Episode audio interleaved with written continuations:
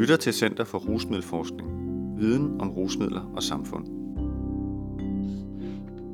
Mange forhold i familien spiller ind på, hvordan børn og forældre med rusmiddelproblemer klarer sig i livet.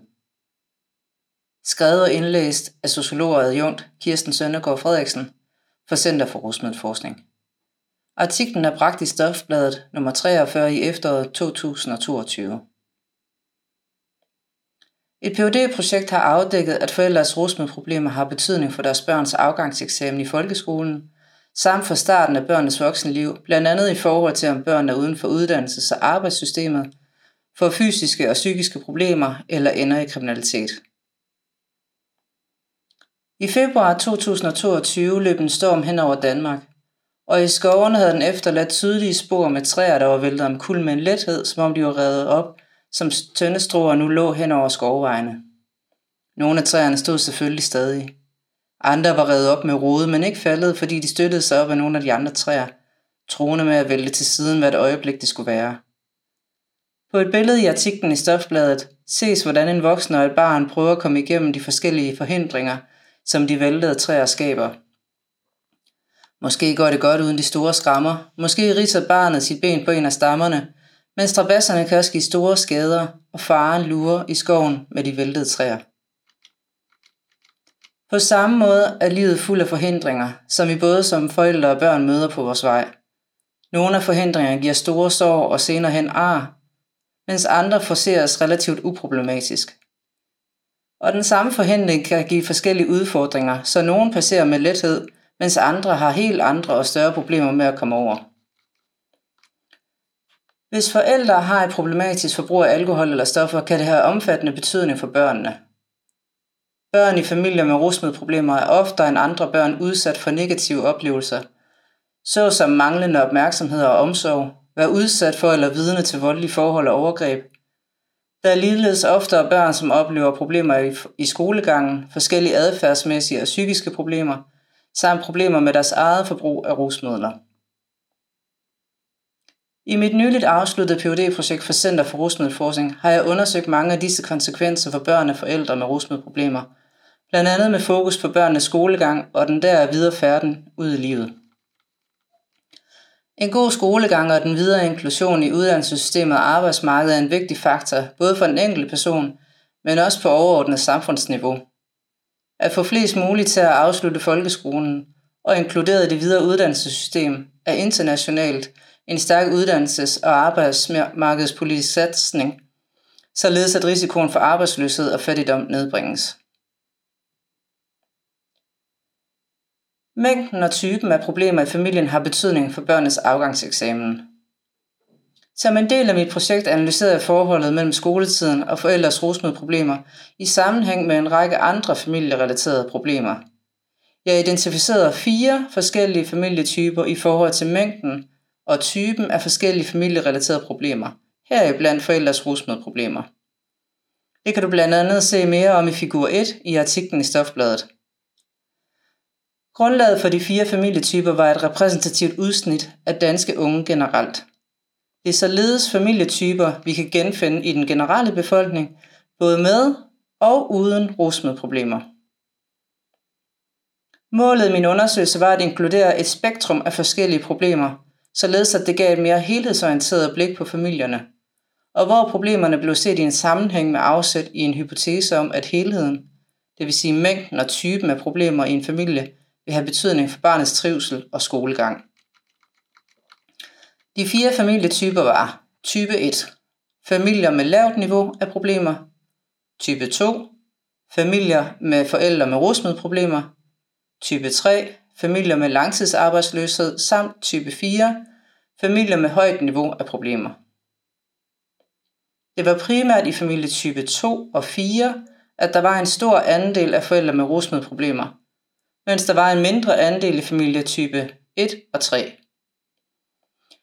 Den efterfølgende analyse viste store forskelle i karaktergennemsnittet ved folkeskolens afgangseksamen, med det højeste karaktergennemsnit blandt både drenge og piger for type 1, det vil sige familier med lavt niveau af problemer, hvor piger havde 7,4 i karaktergennemsnit, og drengene havde 6,83.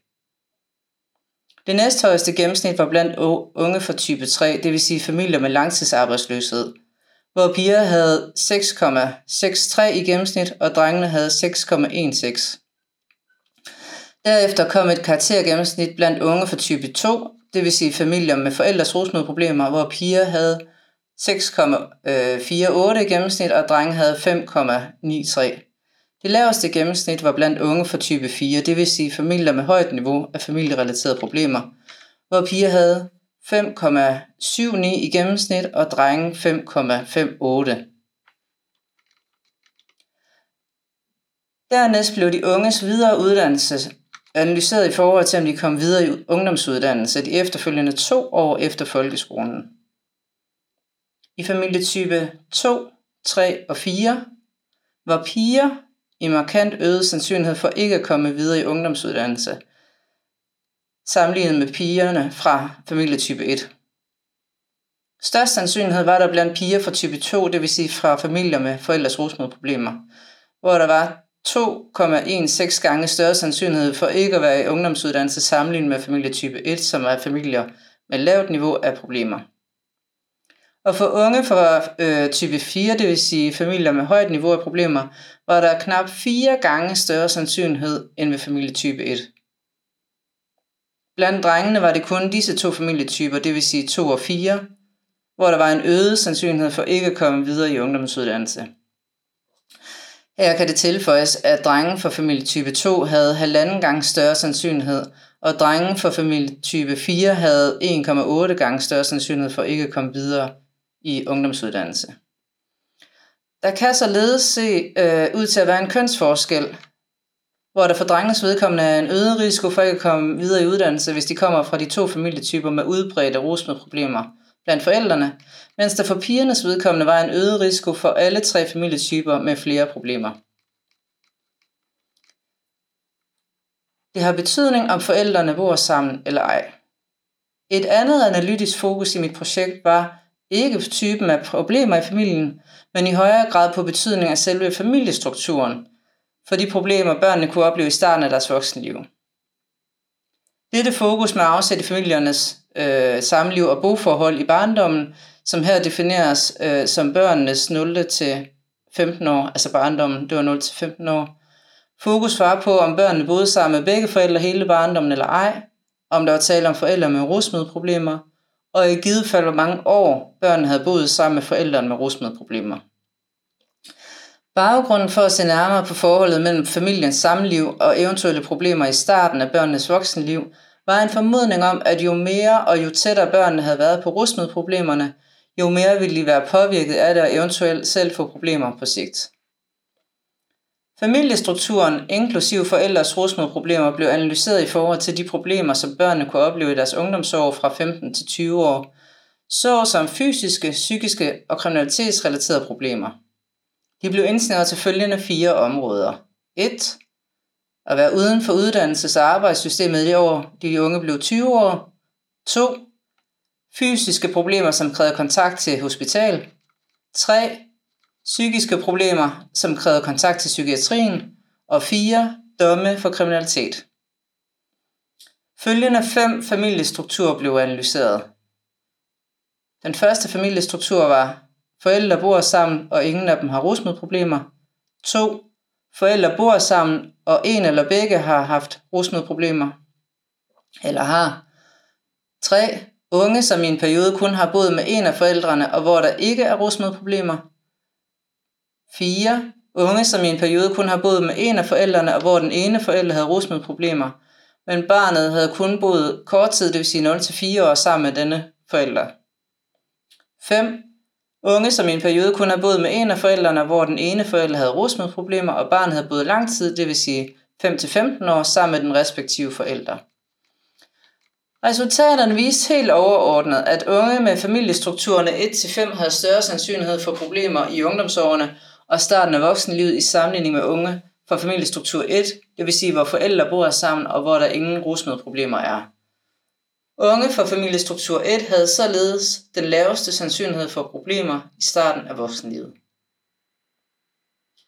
Hvis vi ser lidt nærmere på de enkelte øvrige familiestrukturer, viste det sig, at for unge, som boede med begge forældre, og hvor der var rusmiddelproblemer i familien, det vil sige familiestruktur 2, der var 1,5 til 1,9 gange større sandsynlighed for problemer inden for de fire nævnte områder.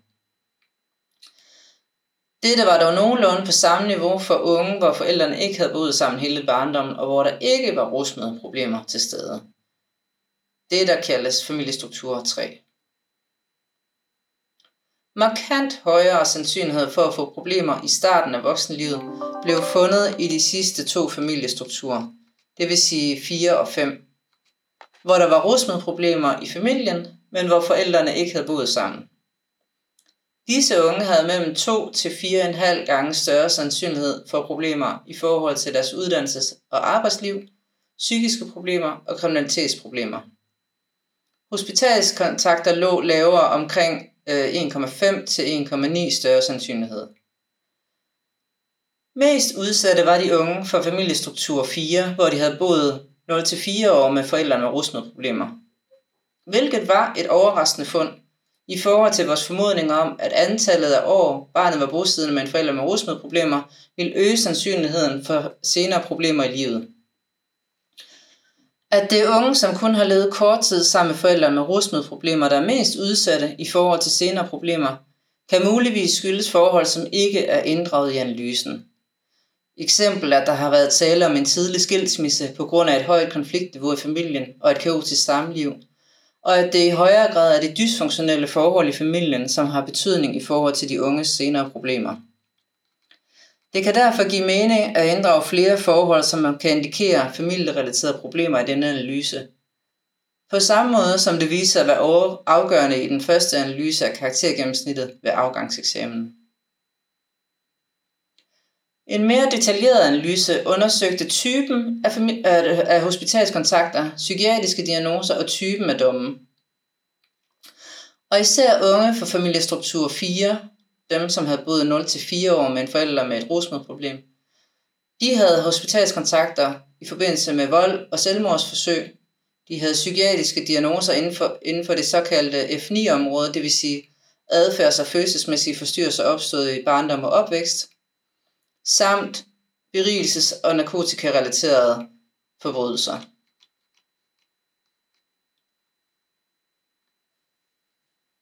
Andet end antallet af år, barnet har boet med forældre med rusmiddelproblemer, spiller en rolle.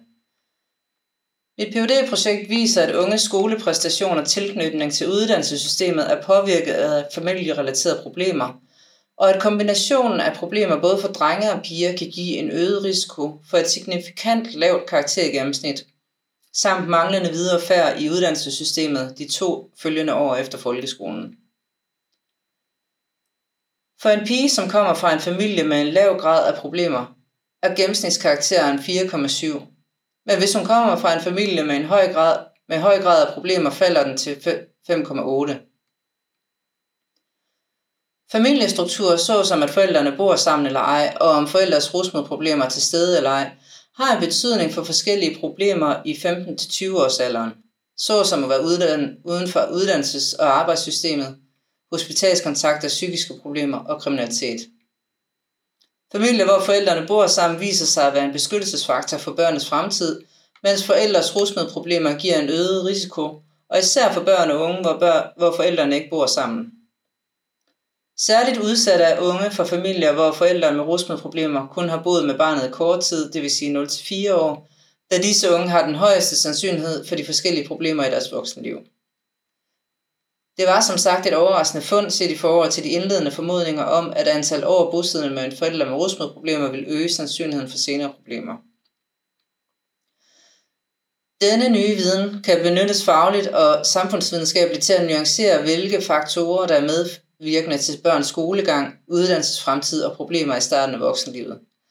Og denne nye viden skal benyttes med en bevidsthed om, at de samme forhold i familierne kan give forskellige sorg og ar for de unge. Således at nogen klarer sig gennem strabasserne uden de store problemer, mens andre har helt andre udfordringer og problemer. På samme måde som vejen igennem skoven med de væltede træer.